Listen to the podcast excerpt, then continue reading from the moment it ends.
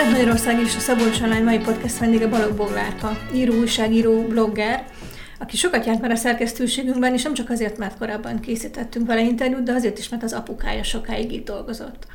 Ennyire egyértelmű volt az indítatásod? Köszöntöm a kedves hallgatókat, téged is, sziasztok!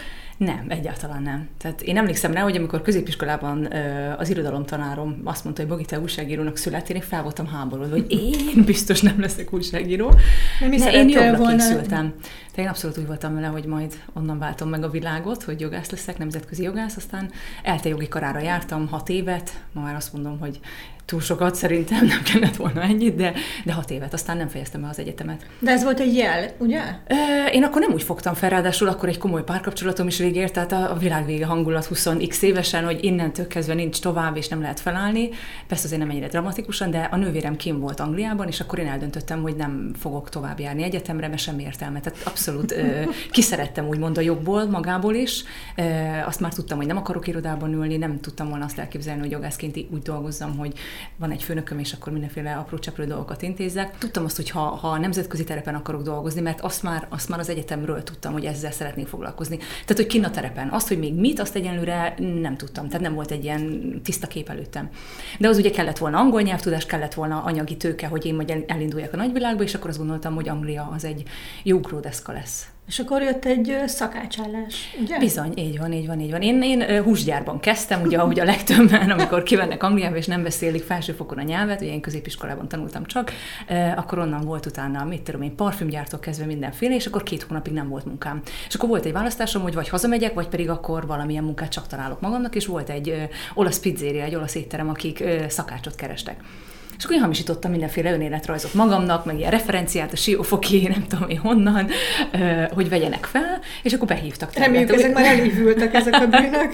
Igen, ezek elévültek, és behívott. Hát ezért nyilván tudta a főnököm is, hogy hát a fenét értek én ilyen dolgokhoz, de annyira szimpatikus voltam neki, mert mondtam neki, hogy ne, hát azt sem tudom, hogy hogy kell egy pizzát meggyúrni, hát honnan tudnám, spagettin, meg ilyen paradicsom szószon éltünk az egyetemen, mint minden jó egyetemista. Mondom, fogalmam nincsen, de nekem erre az állásra szükségem van, és, és én ezt meg fogom tanulni. És akkor bízott bennem annyira, vagy gondolom látta azt, hogy annyira talpra esett, inkább az, hogy az őszintességet, hogy, hogy nem mm. kezdtem el itt hogy mit tudok, amit nem is tudok. És akkor felvettek, ideadta az étlapot, olaszul meg angolul, és akkor másnap estére meg kellett tanulnom az előételeket, és bejutott az előételes pultba. És akkor az első nap az ingyen volt, és akkor az tetszett neki, hogy megfeleltem, meg értettem. Tehát úgy az a jó, hogy én szeretek nézelődni, tanulni, átlátom a dolgokat. Én mindig azt mondtam, hogy nem azért lettem főséf az elkövetkezendő, nem tudom én, négy évben, mert annyira tehetséges voltam, hanem mert, mert tudtam irányítani az embereket. Tehát össze, össze tudtam fogni mindenkit. És azt gondolom, hogy ehhez a munkához inkább ez kell. Mert, mert lesz majd olyan ember, aki a kezed alá dolgozik, és nagyon finomakat csinál, gyönyörű a, ugye a prezentáció, de te leszel az, aki majd ordítja mindenkinek, hogy most éppen a 22-es asztal pizzáját, akkor küldjük le. Tehát ugye ehhez ez kellett abszolút, hogy az ember így álljon hozzá.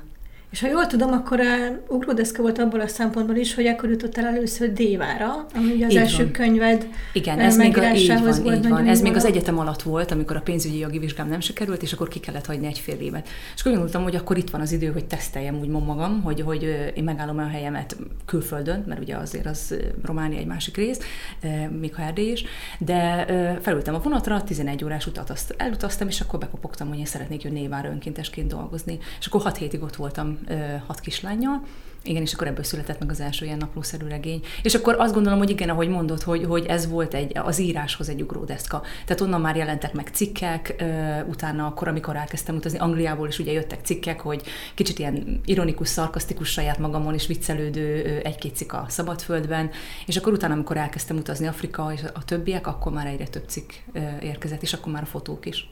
Azt olvastam rólad, hogy folytatok könyveket gyerekként.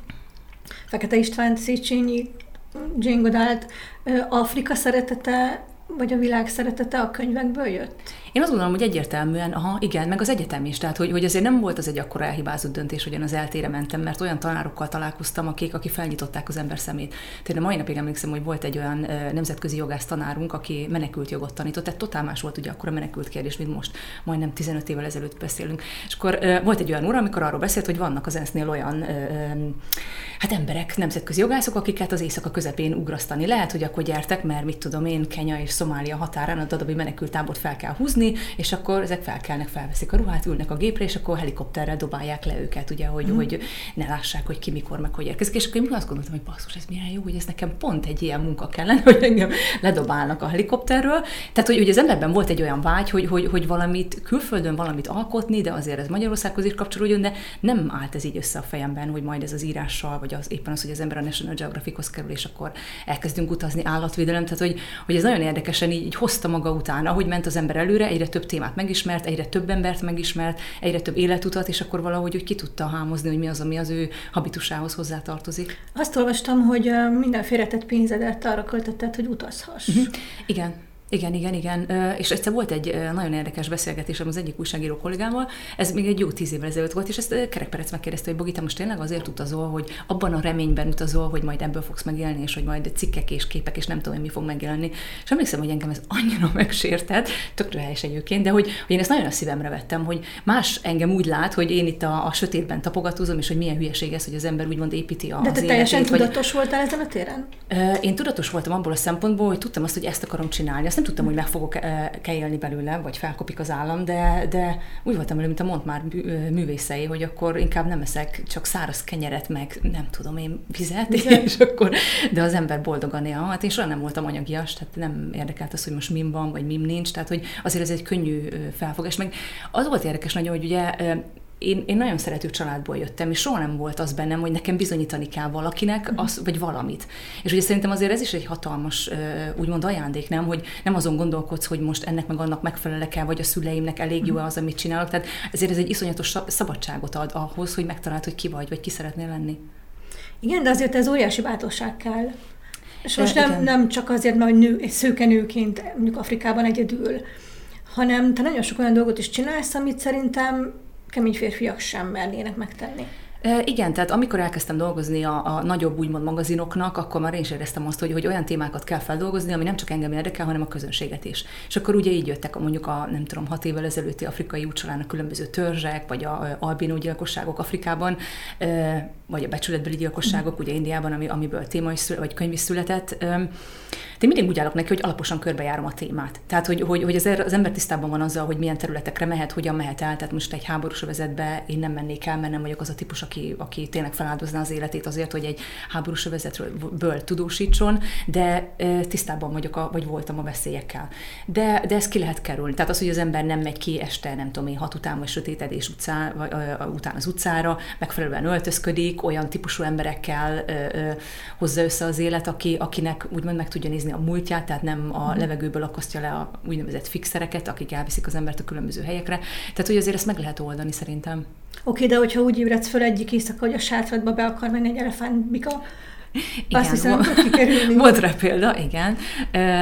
Az egy nagyon érdekes érzés volt, én nem, tehát nem féltem, de annyira dobogott a szívem, hogy egyszerűen alig kaptam levegőt, és úgy nem tudod eldönteni, hogy most izgulsz-e, hogy valami történni fog, vagy azért, mert hogy annyira gyönyörű ez a szituáció, amiben vele kerültél, tehát hogy, hogy nem félelemérzet volt bennem, hanem inkább egy ilyen áldás, vagy az, hogy ez egy annyira szép áldott pillanat, és akkor tisztában van vele az ember, ugye, hogy a, a, az elefántbika azért az egyik legveszélyesebb állat Afrikában, tényleg, hogyha a, a, a kicsi sátra mellett áll, és onnan legel éjszaka.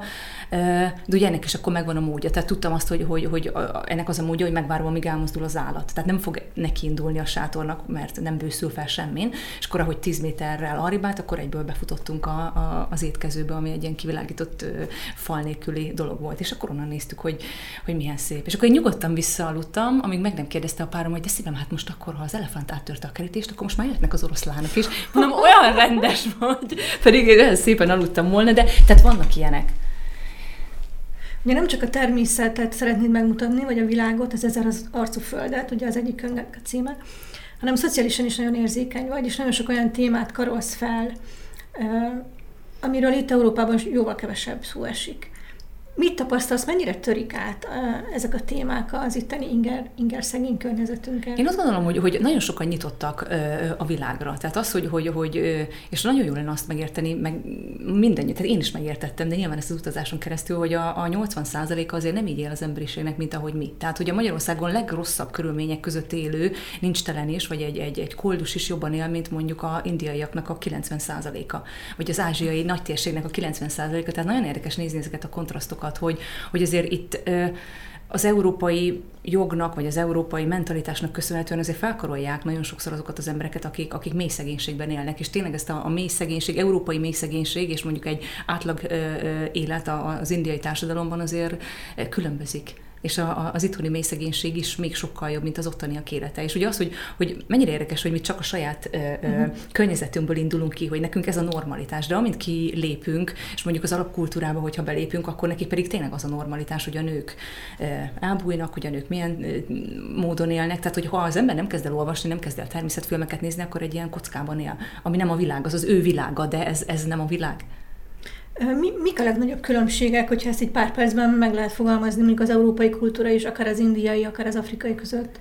Egyrészt mi baromi anyagiasak vagyunk, állandóan panaszkodunk, és nem tudunk pozitívan gondolkodni. Tehát szerintem ez, ez, ez főleg a magyar mentalitása mm. nagyon igaz, ez a, ez a szeretünk búval élni, és ez nagyon nehéz levetkőzni szerintem. Tehát én is ilyen voltam, én nem tagadom, tehát én is absz- nagyon sokszor negatívan álltam hozzá a dolgokhoz, jaj, kijelentetné meg a cikkeimet, meg miért mm. próbálnám meg egyáltalán az XY magazint, amíg meg nem kérdezte valaki, hogy de Bugi megpróbáltad? Nem de hát úgyse fog sikerülni. Tehát, hogy ugye ez a mentalitás, ez annyira bennünk van, lehet, hogy már a, a tőlem fiatalabb generációban nem, de azt gondolom, hogy ameddig nem ö, ö, próbáljuk meg felemelni azokat, akikben van egy kis ö, tehetség bármire, akkor addig, addig nem fogunk túl messzire eljutni. Tehát ezzel a örökös negativizmussal, meg a, ez a biztonsági játékos, szerintem ez a nagyon uh-huh. jó szó, nem csak ránk, hanem az európaiak többségére is, hogy, hogy inkább élek rosszul magammal, mint hogy feladjam mondjuk azt a egzisztenciát, uh-huh. vagy azt a dolgot. Tehát nem vállalkozom valamire, ami egyébként a szívem csücske lenne, mert félek attól, hogy, hogy mi lesz a következménye. De ezek ilyen nagy rácsodálkozások voltak? Mondjuk nem. A te életedben, mondjuk akár Indiában, amikor megtapasztaltad ezeket? Nem, abszolút nem. Tehát érdekes volt, hogy nekem a, a, az úgymond kultúrsok az mindig az volt, amikor hazajöttem. Tehát, hogy, hogy, hogy, hogy amikor hazajövök, és akkor hallgatom a buszon, vagy a repülőn, pont tényleg ez akkor volt a repülőn, Törökországból jöttek nyaralásról haza egy fiatal pár, és akkor ott veszekedtek mellettem, hogy mit tudom én, mi volt a vacsorával, és hogy ők mennyi. És akkor én meg akkor jöttem haza mondjuk egy ilyen becsületgyilkosságos témával, és akkor azok így nagyon-nagyon érdekesen érintettek. Tehát, hogy, hogy valahogy még mindig olyan embereket ültetett mellé a Jóisten, hogy, hogy azért úgy értékeljem, hogy volt, abszolút, abszolút, aha, igen, igen, igen. Vannak kedvenc helyeid? Hát India egyértelműen, de, de ez ilyen érdekes, hogy, hogy nem tudnám megmondani, hogy miért. Tehát egyszerűen csak vonz az az egész millió, ahogy oda beérkezel, és ez a rengeteg szag, meg, meg, meg ízvilág, meg, meg úgy, úgy hat mindenedre. Mm-hmm. Tehát azt tényleg a szó szerint úgy érzed, hogy élsz. Tehát az iszonyatos kavalkádnak a közepén is azt érzed, hogy így bizsereg a bőröd ettől a mindenségtől, ami ott van. De természet szempontjából ugye azért ez nem egy ö, ö, legszebb terület a világnak. Tehát én, én Borneót is nagyon szerettem, de nincs olyan hely, amire azt mondanám, hogy na oda száz hogy vissza fogok menni. Tehát én szeretek új helyeket felfedezni, de az sincs bennem, hogy most nekem feltétlenül el kell mennem minden országba. Tehát soha nem voltam ilyen pipálgatós, bakancslistás típus. De gondolom azért nagyon sok olyan terv van még a fejedben, ami igen, tehát vannak olyan országok, ahová szívesen visszamennék, csak más területekre, tehát mondjuk például így igen, vagy most készülünk a Dél-Afrikai Köztársaságba, meg Namíbiába, tehát ez egy kicsit ilyen uh, muszáj dolog menni, uh-huh. mert egyrészt családi dolog, másrészt meg munka, de, de úgy állok hozzá, hogy soha nem voltam Namibiában, nagyon kíváncsi vagyok rá, hogy, hogy, hogy mi vár az emberre. És egyébként a, a cikkírásokból hogyan lettek könyvek? Mert azért teljesen más hozzáállást, munkaritmust igen, igen, tehát, ö, igényel, mint egy cikk. Ugye egy hatalmas tudásanyag, vagy, vagy nem is tudásanyag, hanem, hanem anyag, anyagbázis felgyülemlet, és akkor sokan kérdezték, hogy, hogy nem lehetne ezt esetleg könyvben olvasni, mert az, hogy most én visszaböngézem a nem tudom én melyik magazinból, vagy éppen online, azért az úgy nehézkes, és akkor végig gondoltam, hogy lehet, hogy nem hülyeség egy ilyet csinálni. Ugye volt a Dévai könyv, akkor utána jött a Becsületbeli gyilkosság, az már egy ilyen regény volt, az az Erarcú Föld, ez inkább egy novellás kötet, utazásos novellás kötet, akkor utána következett egy fesztiválos könyv, ami mm. nekem szívem csücske volt, ez pont Covid alatt volt, és akkor én nagyon szerettem, ez egy kutató munka volt egyébként, illetve az, hogy havonta mm. egyszer elutaztunk egy fesztiválra, és most a legutóbbi az pedig egy országú kutató, magyarországú kutatóról szóló könyv, Gyöngyi Krisztiánról. Ez pedig egy, egy teljes egészében életrajzi kötet.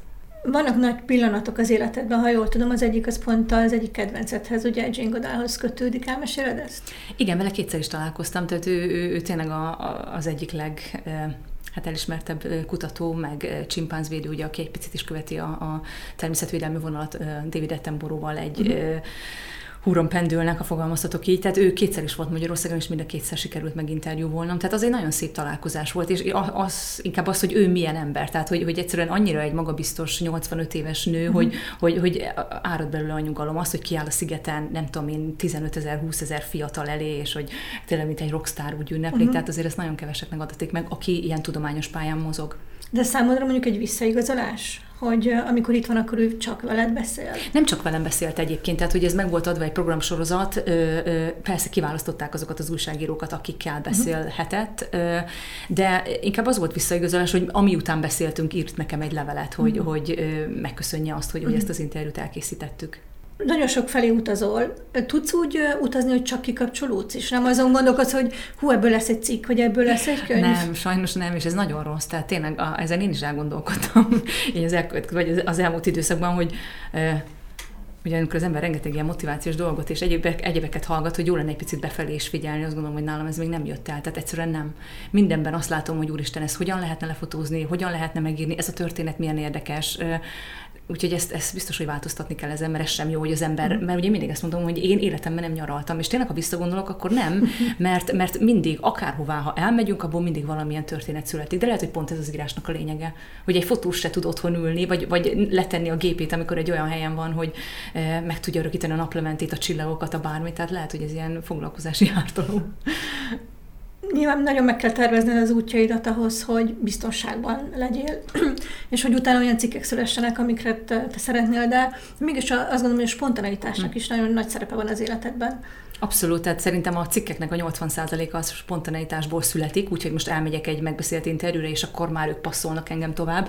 Tehát ez a jó ebben, hogy, hogy én, én szeretek olyan interjút készíteni, hogy van rá időnk. Tehát, hogy nem ülünk le csak egy gyors kávéra, mm. hanem együtt töltünk egy egész napot, és akkor meg, meg tudja az ember ítélni, hogy mennyire passzol hozzá az a személy, akivel mondjuk mm. az interjút készített. És nyilván azért, mert én is érdeklődöm azok iránt, a témák iránt, amikkel ugye foglalkoznak ezek a szem, személyek, akikkel készítem az interjút, nagyon, nagyon sok barátság alakult ki. És akkor persze egyből mondják, hogy figyelj, Bogi, ha már itt voltál nálam, akkor utazz el oda, ott van az XY, aki mondjuk orszarvukkal foglalkozik, menj fel éjszakra, ők a majmosok, tehát hogy, hogy ilyenkor már az embernek adják a kilincset a kezébe szó szerint, hogy menj ide, menj oda, mert nekem te szimpatikus voltál, neki is az leszel, a haverom, tehát hogy ez így szépen működik abszolút. Vannak olyan ö, élményeid, amik, amik biztos, hogy soha nem, nem múlnak majd el a fejedből? Hát az állatokhoz kötődő élmények mindenképpen, tehát azok a, a, a vagy mondjuk egy-egy mentés, egy-egy állatmentés, vagy olyan emberekkel való beszélgetés, ami, ami, ami tényleg magával visz az ember. Én mindig, mindig a dr. John Payne-t hozom fel, mint a, példának, aki Borneón egyébként egy angol biológus, ő a szumátrai országoknak a megmentésével foglalkozik 43 éve, és én pont akkor mentem Szumátrára, vagy hát nem Szumátrára, hanem Borneóra, amikor az utolsó állat náluk volt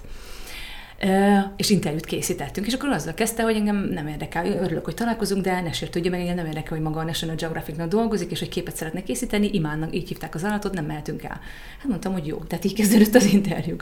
És akkor utána szépen azért elmagyarázta, hogy, hogy, hogy ez az utolsó a faj, fajnak, ez az állat, tehát az északi részen ez az utolsó állat, és hogy mindent megtesznek azért, hogy túlélje ezt az időszakot, párt próbálnak neki találni, vagy mesterséges uh-huh. megtermékenyítés, és nyilván egy sok hatásnak, mint egy, egy új ember, vagy bármilyen állat nem fogják kitenni. És akkor ö, eljöttünk Borneóra, és két hétre rá meghalt imán. És akkor én emlékszem rá, hogy három hétig ezzel keltem, ezzel feküdtem, hogy ez hogy történhetett meg. És akkor ilyenkor az ember nem is az állatot sajnálja, hanem Dr. John Payne, ugye, aki 43 évet arra mm. áldozott, és hogy mégsem sikerült ezt a fajt ö, megmenteni Malajziában. Tehát Indonéziában még van, de amikor ilyen emberi tragédiákat is lát az ember, hogy valakinek erről szólnak a, a mindennapjai szó szerint, hogy, hogy egy állatfajt megmentsen. Tehát, hogy ez tök érdekes. Ugye a legutóbbi könyved amiről az előbb is meséltél, egy, egy olyan fiatalemberről szól, aki, aki pont a, a szenvedélyének, ha lehet így fogalmazni, lett az áldozata. És ugye az ő özvegyével készült ez el ez a, ez a visszaemlékező könyv. Milyen érzés úgy írni valakiről, hogy már tudjuk, hogy nincs közöttünk? Inkább az volt nagyon furcsa, hogy soha nem találkoztunk. Tehát, hogy én nem ismertem Krisztiánt, mielőtt beleugrottam volna ebbe a, a, a dologba, de emlékszem rá, hogy engem annyira megviselt, vagy megütött, vagy nem is tudom, meghökkentett, inkább ezt mondom, a, a halálának a híre.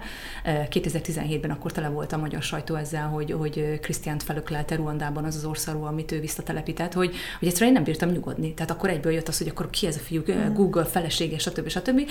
És akkor bennem már volt egy annyi, annyira hát ilyen vágy, hogy ezt a, ezt a családot megismerjem. Egyrészt azért, mert miért nem tudunk mi Magyarországon egy ilyen típusú emberről, aki a mi Jane Goodálunk lehetne, és egyébként tényleg.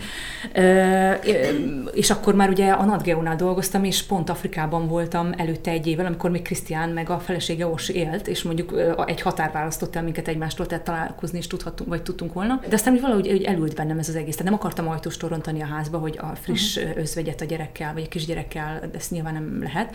És utána jött a Covid, meg a, akármilyen dolgok, és akkor most jött el az ideje annak, hogy, hogy ezt a könyvet megérjük a Krisztián 5. halálának az évfordulójára. Nagyon érdekes volt egyébként, hogy Orsival tényleg, mint hogy ezer éve ismertük volna egymást. Tehát, hogy ő, ő mindig ezt mondja nekem, hogy rengeteg pénzt spórolt azzal, hogy velem beszélgetett, nem a pszichológussal, mert hogy neki azért ez egy, egy, egy, egy feldolgozás is volt ennek az egésznek. Tehát ő abszolút hazajött, lezárta, ő nem is próbált meg gondolkodni azon, hogy mi történt ott egyáltalán, hogy, hogy, hogy, hogy hogyan szakadhatott meg ez a csodálatos életút, ami a Krisztiáni meg az övé volt, tehát élete szerelme volt, ezt ma is mondja, úgyhogy neki fel kellett építeni a nulláról úgy magát, hogy hat évig kint éltek és állatvédelemmel foglalkoztak. De olyan érdekes azt mondod, hogy akkor nem nagyon foglalkozott ezzel mondjuk Magyarországon senki, a könyve viszont óriási siker lett. Igen, ez egyébként nagyon érdekes, meg nagyon úgymond kétkedő volt ez az egész, mert, mert mindenki, aki a kezébe vette a könyvet, egy orszarú van az elején, illetve elolvasta a hátoldalát, mindenki azt mondta, hogy Jézusom, ez egy ilyen biológia könyv, vagy egy ilyen mm. nagyon szakmázó könyv. És nem, tehát hogy ez egy, egy, ez egy, nem azért, mert én írtam, de ez egy nagyon szép életregény, tehát tökéletesen mutatja azt, hogy, hogy a semmiből hogyan lehet eljutni mondjuk Afrika topodvédelmi szakemberei közé. És ugye az, hogy, hogy most Krisztián így halt meg, hát ezt erre mindig azt szoktam mondani, hogy mindannyiunknak meg kell halni, de nem mindegy, hogy milyen életet hagyunk magunk mögött. Tehát, hogy ő tényleg arra tette fel az életét, hogy odáig el fog jutni, és neki aztán tényleg olyan kalandos és kacskaringós mm. volt, hogy én hozzá képest egy, egy célegyenes úton haladtam az én dolgaim felé, és hogy ez olyan szép, és én, én ezt nagyon szeretném, hogyha minél több fiatal is olvasná, hogy, hogy, hogy ha, ha tényleg megérti azt az ember, hogy mire született, vagy mire vágyik, akkor minden segítség nélkül el tudja érni. Tehát az, hogyha hisz magában, és saját maga járja ki az útját. És ugye Krisztiánban például nekem ezt tetszett nagyon, és akkor gondoltam, hogy ez biztos, hogy egy könyvet ér, amikor Orsival beszélgetünk, és ezt elmondta, hogy Krisztián úgy jutott ki Afrikába, hogy már akkor ugye falta a könyveket, meg nagyon szeretett olvasni, hogy volt spórolt pénze, 20x éves volt, hogy a Spektrumon volt egy film a Jan Dupré nevezetű állatvédőről, aki fekete országokkal foglalkozott, és Krisztián teljesen megbobonázta, hogy na akkor ide nekem el kell menni, és akkor megállította a Spektrumot, kibogarázta, hogy hol él a férfi, mi a pontos neve a Nemzeti Parknak, és akkor bekanalazta a húslevest vasárnap, hétfőn pedig megvette a repjegyet Hararéba, a fővárosba. Úgyhogy soha életében nem mhm. volt Afrikában. Tehát, hogy, hogy ki csinál ilyet 20 évesen, hogy ennyire megszállott, mert erre most nem De akkor az is lehet, hogy valaki meg a tecikkeidet olvasva dönt majd úgy, hogy Én bízom teljesen új útra tér. Igen, vagy olvas el a Krisztiánról szóló könyvet, és tényleg nem muszáj mindenkinek vadvédőnek lenni, hanem a saját kis közekében, hogyha meg tudja találni azt, amiért élni tud, akkor már az egy hatalmas ajándék. Bogi, neked van, van olyan tételmondatod, ami, amit mondjuk az utazásaid alatt raktál össze magadban? Tehát ami abszolút meghatározza a te mindennapjaidat? Egyetemen az, hogy a kifogásoli meg az álmokat. Tehát, hogy én azt gondolom, hogy annyi mindent elérhetne az ember, hogyha nem lenne kis hitű, és nem lenne állandóan kifogás, hogy hát most azért nem megyek el, vagy azért nem csinálom meg, mert. És mindig talál rá okot, hogy miért nem. De valójában az az ok az benne van. Tehát vagy fél, vagy, vagy, vagy nem érett még meg rá arra, úgyhogy én azt gondolom, hogy, hogy ez az, és én azt gondolom, hogy az én életpályám is ezt mutatja, hogy, hogy, hogy tényleg, hogyha én mindig kifogást találtam volna arra, hogy most miért nem megyek el, azért, mert nincsen társam, aki jön, azért, mert nincsen pénzem, azért, mert nem beszélek angolul, tehát akkor sehol nem tartanék. Mármint, hogy itt nem tartanék mm. Ezen az úton. Az, hogy most már van egy kis, kis fiad, mennyiben változtatja meg a munkádat? Mert az ah. életeden nyilván, de őt is viszed magaddal? Viszem, persze, de egyébként baromira megváltoztatja. Most én ezt is szeretem tagadni, hogy hogy változtatja meg, de, de nem érzi az ember, hogy megváltoztatja. Tehát, és ez szerintem annyira szép, hogy, hogy az ember úgy nevel egy gyereket, hogy nem érzi azt, hogy megváltozott az élete, mm. holott tudja, mert szétnéz, körbenéz, hogy milyen témákat választ, akkor tudja jó, hogy, hogy vége van egy korszaknak. De azt gondolom, hogy, hogy azokat a témákat, amik én fel akartam dolgozni, tehát amiről beszéltünk, hogy ezek a nehéz témák, hogy, hogy becsületbeli gyilkosságok, vagy azok a, azok a területek, amiért mondjuk 16 órát utazol egy afrikai buszon, hogy elmenj egy törzsi marhavására. Tehát lehet, hogy egy három éves kisfiúval ezt már nem csinálom meg, de olyan ajtókat nyit az, hogy van egy gyereke az embernek, tehát teljesen más témák felé elkezd elindulni. Most nem azt mondom, hogy kimondottan gyerek témákat, de, mhm. de, de akkor tudom, hogy olyan helyre fogunk menni, ahol majd az apukájával eljátszik, vagy, vagy alapból szólok mondjuk a riportalajnak, most voltunk Tájföldön, ez volt az első úgymond nagy út együtt, mert a Covid alatt nem uh-huh. utaztunk, meg picikén meg nem akartunk.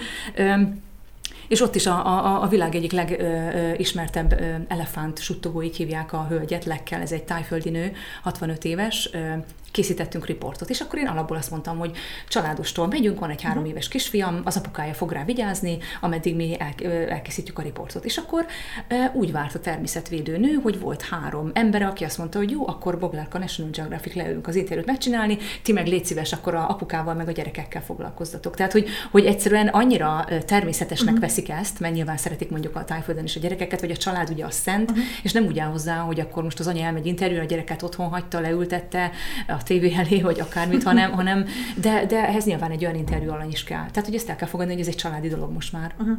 Vannak olyan uh, cikkek, ami, amikre nagyon-nagyon büszke vagy? Nyilván sok ilyen van, de hogy ki tudsz emelni néhányat, ami, ami valami miatt mégiscsak érdekes. Igen, a Jane Goodallosra vagy... egyértelműen, az mm. első Jane Goodallos cikkre, mert, mert ott nem csak a, a, az életpályájáról beszéltünk, hanem ö, én mertem kérdezni tőle személyes dolgokat is, amiért azt gondolom, hogy, hogy tehát fennakadt a szeme nyilván, hogy a volt férjéről mm. beszélgetünk, de, de nagyon sokan nem merik ezeket a személyes kérdéseket feltenni, mert vagy úgy gondolják, hogy nincs itt a helye, vagy az, mm. hogy, hogy tiszteletlen. Én, én, én pont előtte olvastam el egyébként az életrajzi regényét, és engem égetett ez a kérdés, hogy hogy, hogy volt, amikor meghalt a férje, tehát hogy ezt hogyan lehet feldolgozni egy, egy fiatal nőként, amikor három uh-huh. hónapig, három hónap után meghal a férje egy nagyon súlyos betegségben, és, és ö, láttam rajta, hogy tehát úgy jól esett neki az, hogy ezt valaki megkérdezi, hogy, hogy nem úgy tekint rá, mint egy bálványra. Tehát nagyon, nagyon érdekes ezt látni, hogy hogyan ö, ö, bálványozzák egyébként Jane Goodall, uh-huh. hát gondolom minden híres embert, és, és kevés az az ember, aki, aki úgy partnerként kezeli. Nem azért, mert én azt gondolom, hogy vele egy ö, ö, ívású lennék, hanem azért, mert én az embert látom benne, nem a úgymond sztárt, aki, uh-huh. akiből valaki lett. Tehát azt nagyon-nagyon szerettem azt a cikket írni, meg, meg vele együtt lenni, beszélgetni. Meg hát az összes állatvédős dolgot. Vannak kedvenc állataid egyébként? Én minden állatot Otthon szeretek. két kutya, három cica, négy Igen, ne, én, én a delfineket imádom, tehát azért ez mindig egy élmény, amikor az ember meglátja őket a tengeren. Tehát, hogy eh, én úsztam ott delfinekkel egyébként Mexikó partjainál, az tényleg olyan volt, hogy akkor ott sírtam, mint egy öt éves gyerek, hogy ez annyira meghatotta az embert, hogy, hogy egy, egy, egy, tényleg egy, egy olyan vad eh, állattal tud együtt lenni, aki nem bántja, nyilván és nem is kell attól tartani, hogy most meg fogja támadni, de valami elképesztő volt tényleg, tényleg az, a, az, a, az az összhang közöttük, vagy azt, hogy úgy befogadják az embert, de nem jöttek közel. Tehát nem tudom, hogy ez mennyire vannak beidomítva azok, akikkel mm. mondjuk az ember egy ilyen lekerített tengerparti szakaszon úszik, de ők azért okosak. Tehát, hogy, hogy ha nincs bajod, és nem kell segíteni, akkor nem fogod jönni. És még egy utolsó dolog, hogy szerinted mit kellene tenni azért, hogy a szűkebb környezetünkben jobban figyeljünk a természetre, vagy az állatokra, hogy védjük azt, ami, ami a miénk.